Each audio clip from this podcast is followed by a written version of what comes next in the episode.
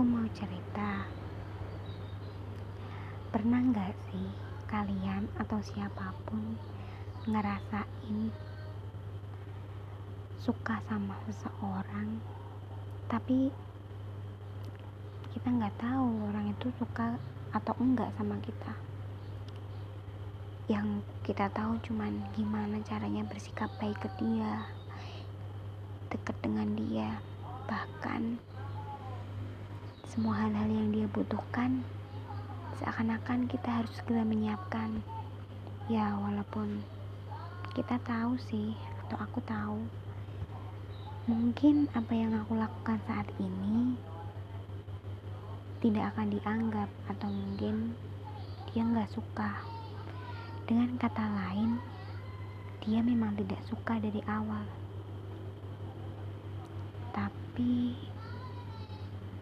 aku suka aja. Suka melakukan hal-hal yang menurut aku bisa dekat dengan dia. Sering dengar emang sih cinta gak harus memiliki? Nah ketika ada kalimat seperti itu yang aku pikirkan adalah pertama oke okay, aku nggak apa-apa nggak harus jadi miliknya. Berarti aku boleh dong suka seberapapun sama dia. Aku boleh dong memperhatikan dia. Karena memang suka itu ya hak semua orang.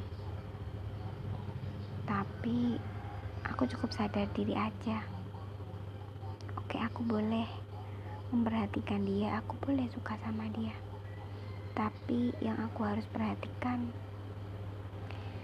memang hatinya tidak untuk aku. Tapi aku percaya kok. Aku percaya. Kalimat batu sekeras apa pun itu akan hancur jika sering ditetesi air. Aku percaya tuh apalagi hati manusia.